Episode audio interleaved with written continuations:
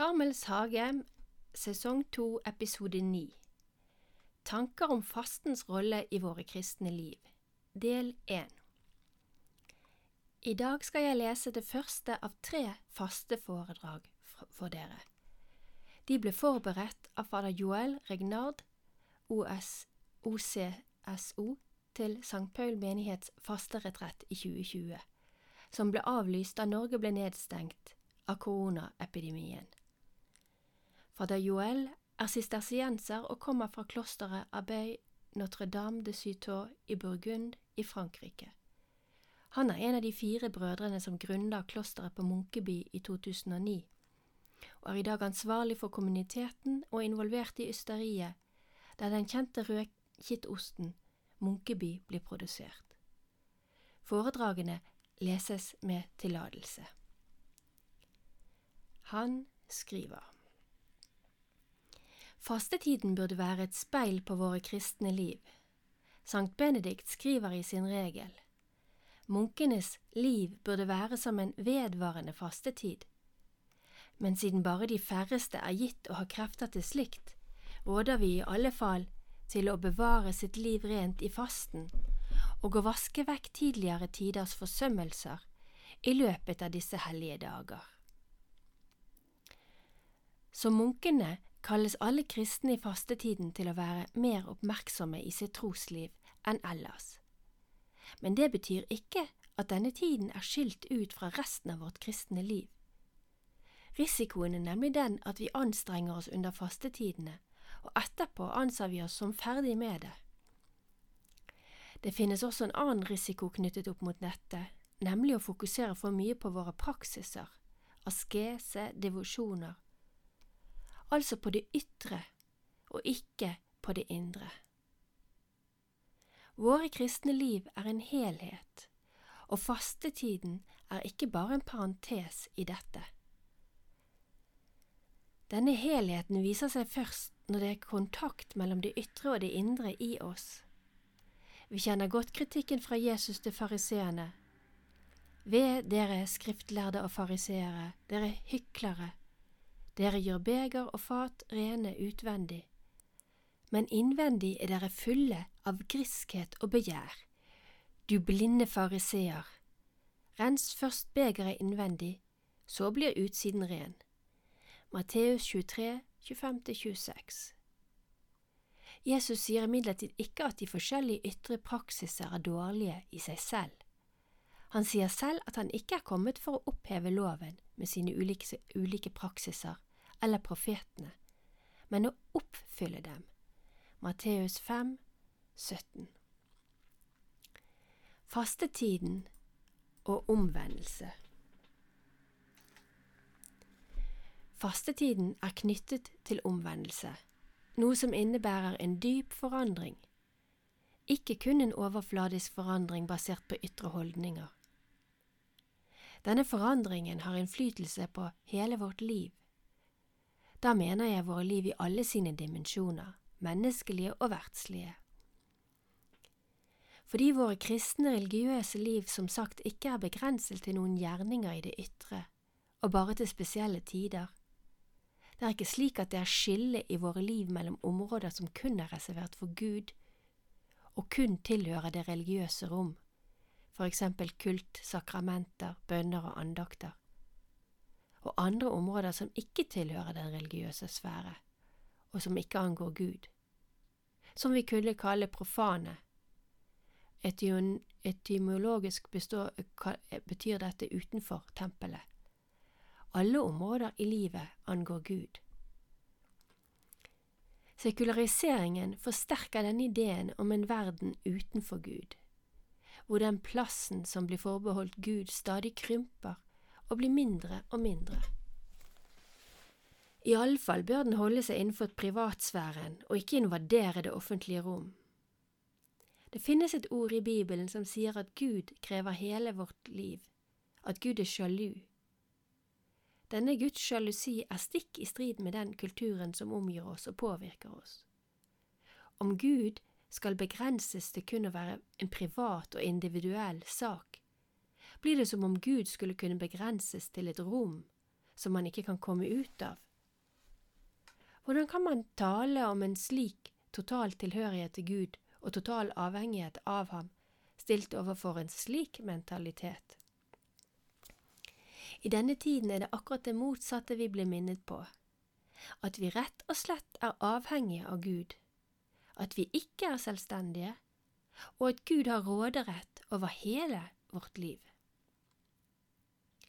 Fastetiden og ørken I fastetiden snakkes det ofte om ørkenen, fordi ørkenen er akkurat det stedet hvor vi opplever denne avhengigheten av Gud. Femte Mosebok, som vi hører mye om fra, denne fra i denne tiden, snakker om Israel som drar ut fra Egypt og går gjennom ørkenen i 40 år, i en total avhengighet av Gud. En vanskelig, men nødvendig øvelse i tillit for folket, full av fristelser og utroskap. La oss se litt nærmere på Femte Mosebok. Uten direkte intervensjon fra Gud kunne ikke folket få mat og drikke. Uten beskyttelse kunne de ikke slippe unna alle slags farer, som ville dyr og fiender, som ville utrydde dem. Folket er som et spedbarn som trenger å beskyttes og fostres i alt. Så skal du skjønne at Herren din Gud vil oppdra deg som en mann oppdrar sin sønn. 5. Mosebok 8.5 hva måtte folket lære av Gud? Han ville ydmyke deg og prøve deg for å vite hva som bodde i ditt hjerte. Han lot deg sulte. Vers 2 Vi skal senere se at det er bare i ødemarken at vi oppdager hva som bor i våre hjerter. Fastetiden er en god erfaring som lærer oss å bli avhengige av Gud. Mennesker lever ikke av brød alene, men av hvert ord som kommer fra Herrens munn. Vers 3. Å begrense matinntaket vårt åpner oss for en annen slags mat, en åndelig mat. Det første trinnet er å bli oppmerksom på at vi tar imot alt fra Gud, inkludert de materielle tingene. Da lærer vi gradvis at Gud ikke bare gir oss materielle ting, men åndelige ting, som for eksempel gjennom det ord som går ut av hans munn. Vi lærer å se at det finnes andre goder enn de materielle, og at vi ikke må fokusere kun på de materielle godene. Selv om vi får stort sett alt vi trenger her i Norge, må vi aldri glemme at alt opprinnelig kommer fra Gud og at vi faktisk ikke eier noe. Dette er en god grunn til å dele med de andre, særlig de fattige, fordi våre goder er deres. Vi har gode forsikringer i vårt samfunn, men den dypeste sikkerheten kommer fra Gud alene, Han som råder over liv og død. Femte Mosebok lærer oss om det riktige forhold til den riktige avhengighet og denne bevisstheten ordner på en riktig og praktisk måte våre liv. Denne dype erfaringen hjelper oss å finne balanse mellom våre ytre praksiser og vårt indre. Og ifølge Jesu ord er det det som kommer fra hjertet som er det viktigste. En perfekt ytre holdning kan bli en måte å bevare fasaden, uten at hjertet er involvert. fasten og Den hellige ånd. Et annet spørsmål er hvordan vår tro kan prege alle områder i vårt liv. For å finne svar på dette skal vi begynne i dette første foredraget med å ta imot den veiledning som vi kan få fra Skriften og tradisjonen. Vi skal oppdage hvor mye Den hellige ånd er nødvendig sammen med Jesu følge. Vi begynner med Johannes døperens store skikkelse. Han sier at han døper med vann, men at det kommer noen etter ham som skal døpe i Den hellige ånd. Johannes krever at dem som kommer til ham, alle slags folk fra hele landet, at de må forandre sin oppførsel, ikke stjele lenger, for eksempel, eller ikke bruke vold, Johannes døperen krever en rettferdig holdning. Det er ikke noe nytt i dette, allerede profetene gjorde det. De krevde en grunnleggende rettferdighet, som ikke undertrykker de fattige, de svake, men tvert imot forsvarer dem. Dette minner for øvrig vår pave Frans oss innstendig på. Fastetiden er en tid hvor vi er kalt til å hjelpe de fattige, og å unngå all slags urettferdighet. Det svarer til det som Johannes etterspør, og til, dåp, og til dåpen med vann. Er ikke dette nok? Johannes selv snakker som sagt om en annen dåp, i ånden, som han ikke kan gi. I apostlenes gjerninger finner vi en historie som minner oss på dette forhold mellom de to ulike typer dåp, med vann og i ånd. Det er i apostelgjerningene 19, 1–6. Paulus kommer til Efesos og traff der noen disipler. Han spurte dem om de hadde fått Den hellige ånd. De visste ikke engang at det fantes noen hellige ånd. De hadde bare fått Johannes-dåp. Paulus forklarer dem at Johannes døpte med omvendelsens dåp, og oppmuntrer dem til å ta imot dåpen i Jesu navn. De fikk denne dåpen da de kom, og da kom Den hellige ånd over dem, og de talte i tunger og profeterte. Bryllupet i Kana Hva kan vi lære fra disse tekstene? At våre anstrengelser og gjerninger ikke er nok. De er ufullkomne uten Guds medvirkning, Den hellige ånd. Sankt Bernard behandler dette temaet i en preken der han kommenterer Johannesevangeliets fortelling om bryllupet i Kana. Der finner vi det samme skjemaet som hos Johannes døperen. Som dere vet, ber Jesus tjenerne i Kana om å fylle karene med vann. Dette er rart, sier Bernard, fordi det er jo ikke vann de mangler, men vin. Han tolker vann som et bilde på klosterobservansen, som kan oppsummeres i ett ord – Guds frykt. For Bernard betyr ikke Bibelens uttrykk for Guds frykt det å være vettskremt, men derimot det å være årvåken, oppmerksom på Guds lov. Det er en aktiv praksis som er nyttig, men den er uten smak og farge, slik som vann. Og her skriver broder Joel en parentes. Bernard som jeg var fra Burgund i Frankrike. Der finnes utsøkte viner, og folk der kjenner svært godt forskjellen på vin og vann. Parentes slutt. Bernard beskriver imidlertid i en annen preken hvorfor vannet er nyttig. Det slukner ild, særlig våre dårlige begjær. Det vasker og renser det som er skittent men fremfor alt fyller vannet opp karene, og det hindrer at de blir tomme igjen, og da gir rom for de dårlige vinene og de usle tingene. Hvem er disse tjenere som fyller karene? Det er oss, sier Bernard, det vil si abbedene.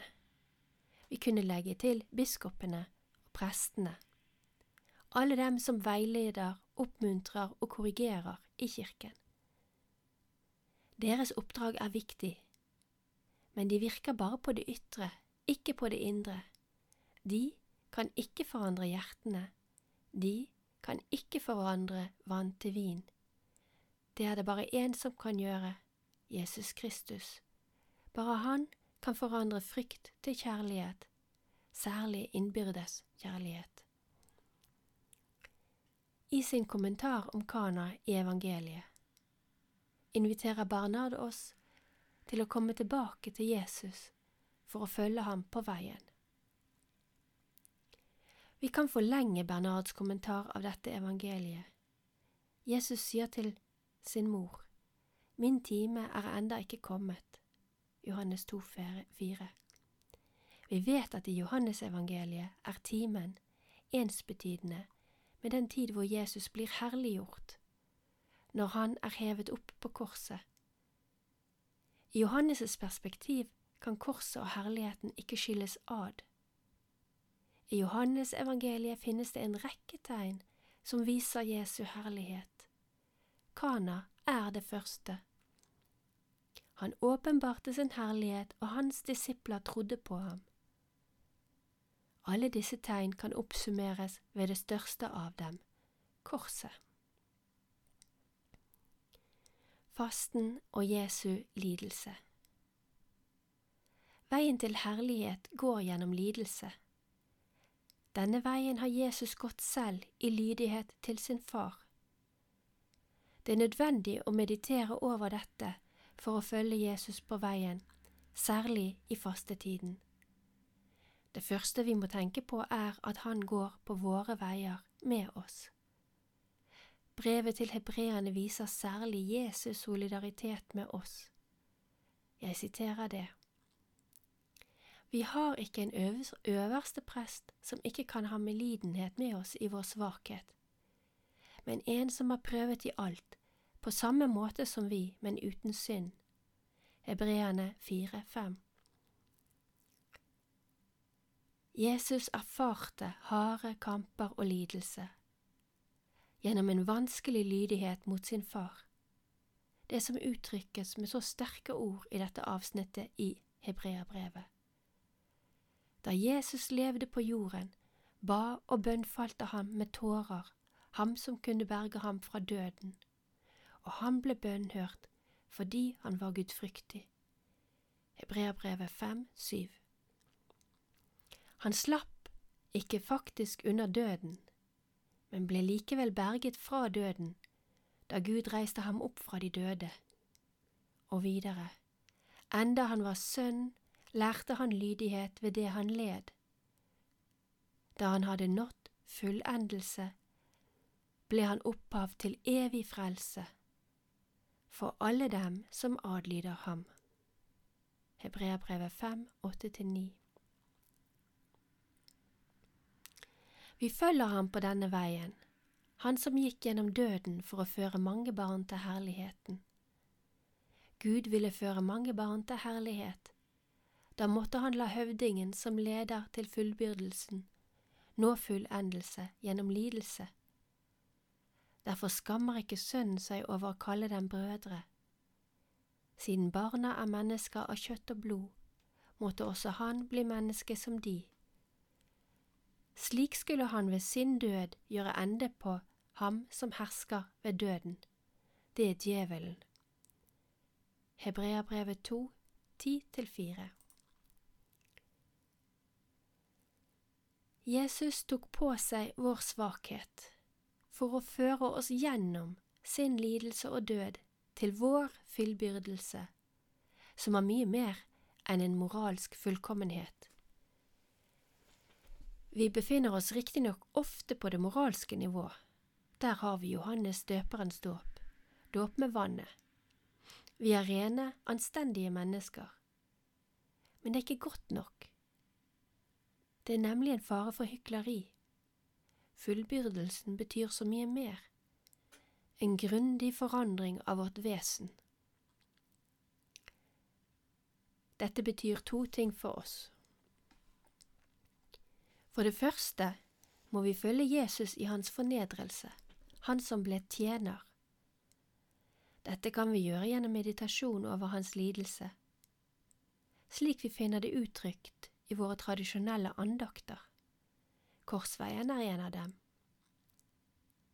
For det andre er vi kalt ifølge Hebreanbrevet til herlighet. Kanskje har vi vanskeligheter med å forstå hva det betyr, eller så tenker vi at det ikke gjelder nå, men senere i det evige livet. Bernard tolker Jesu ord i Markusevangeliet 1029 om at dem som forlot alt for å følge ham, skulle få hundrefold så mye igjen allerede nå, som et bevis på at vi kan få erfaring av herlighet allerede nå. Det er akkurat dette disiplene fikk oppleve da de var med Jesus da han ble forklaret på fjellet. Det er vanligvis dette evangeliet som vi leser andre søndag i fastetiden. Fastetiden lærer oss å se fremover, til der vi blir kallet, og til å få avstand fra den daglige virkeligheten, som ofte hindrer oss å se videre. Det er denne fremtiden i herlighet som vi venter på i håpet, og som gjør det mulig å bli befridd fra vår fortids lenker, som et pant på herligheten allerede i dette liv. Jeg foreslår nå at vi så vender tilbake igjen til Jesu forklarelse. Fastetiden og Jesu forklarelse. Det kan virke rart å få servert denne teksten midt i fastetiden. Jesu forklarelse er jo en bebudelse om Jesu oppstandelse, særlig hos Markus. Er det bare en slags oppmuntring på den tunge veien vi går i fastetiden, som en påminnelse om at påskehøytiden til slutt vil komme? Nei, en slik måte å tenke på er for begrenset. Vi kan faktisk finne en dyp samklang mellom Jesu forklarelse og fastetiden. Hva skjedde egentlig med Jesus? Den norske oversettelsen sier at hans utseende eller skikkelse ble forvandlet. Men det greske ordet som brukes, betegner noe mye mer radikalt ved Jesu for forvandling. Det er en metamorfose, som når sommerfuglarven blir en sommerfugl og en helt annen skapning. Det dreier seg om noe mye mer fundamentalt enn å skifte utseende, litt som når vi skifter klær. Det er en ny skapning som kommer til syne. Det er faktisk en åpenbaring av Jesu virkelige vesen, som allerede har vært nærværende, som nå viser seg. Dette blir bekreftet av den røst som lød fra skyen. Dette er min sønn, den elskede. Det som viser seg, er Sønnens herlighet, som er fra evighet til evighet. Det er denne åndelige virkeligheten som, her, som her blir blottlagt for disiplene. Denne virkeligheten er preget av en strålende herlighet. Denne herlighet tar også fedrene fra den gamle pakt del i, nemlig Moses og Elias. Så da disiplene så at Jesus var alene igjen, var det ikke dermed helt slutt. Jesu menneskelige vesen, som jo viste seg i vanlig menneskes skikkelse, var uatskillelig knyttet til et annet vesen, et guddommelig. Disiplene ble kalt til, til å ta del i hele Jesu vesen, også Hans herlighet. Paulus beskriver denne prosessen på en fantastisk måte i brevet til romerne. Der bruker han det samme ordet forvandling, metamorfose, men denne gangen i sammenheng med det vanlige kristne livet. Ved Guds barmhjertighet formaner jeg dere, brødre, til å bære deres legeme fram som et levende og hellig offer, som er til Guds behag. Det skal være deres gudstjeneste. Og la dere ikke lenger prege av den nåværende verden. Men la dere forvandle ved, sin, ved at sinnet fornyes, så dere kan dømme om hva som er Guds vilje, det gode, og det som er til Hans behag, det fullkomne. Romane 12, 1–10 Fastetid og vår forvandling Det handler om å være knyttet til Jesu levende og hellige offer, som vi snakket om i brevet til hebreerne for å kunne bli forvandlet med ham. På samme måte som Jesu herlighet viser seg gjennom Jesu eget legeme, så er vårt eget legeme involvert i denne forvandlingsprosessen. Det gir en stor betydning for omvendelsen i fastetiden som vi har kalt til. Omvendelse er en prosess med dyp forvandling, som foregriper oppstandelsen og herliggjørelsen. Det er en forvandling av hele vår person. La oss komme tilbake til Jesus på fjellet. Det var på fjellet at disiplene deltok i Jesu herlighet. Med andre og fine ord peker Sankt Benedikt i sin regel på denne realiteten når han snakker om fastetiden. Med noen få ord lykkes han å heve vår konkret, våre konkrete praksiser til åndelig glede. Jeg siterer hans regel. La oss derfor legge noe til våre vanlige plikter i tjenesten i disse dager, som ekstra private bønner eller avholdenhet i mat og drikke. Hver enkelt kan gi Gud noe frivillig, i Den hellige ånds glede, ved å bære frem noe som offer, utover det som er fastlagt, som å nekte kroppen litt mat, drikke, søvn, tomt prat og spøk, og se frem til den hellige påske med den åndelige lengsels glede. Det er fra regelen 4957. Fastetiden er allerede preget av påskens glede. Med andre ord forbereder fastetiden våre legemer til herlighet og våre sinn til å bli, til å bli forvandlet etter Guds vilje. Det er vårt arbeid som Jesu disipler, og la oss føres med ham opp på fjellet, der hvor det er godt å være, og delta i Jesu herlighet. Men for å nå opp til toppen har vi en lang vei å reise. Vi må gå gjennom ødemarken. Vi skal meditere over dette i neste episode.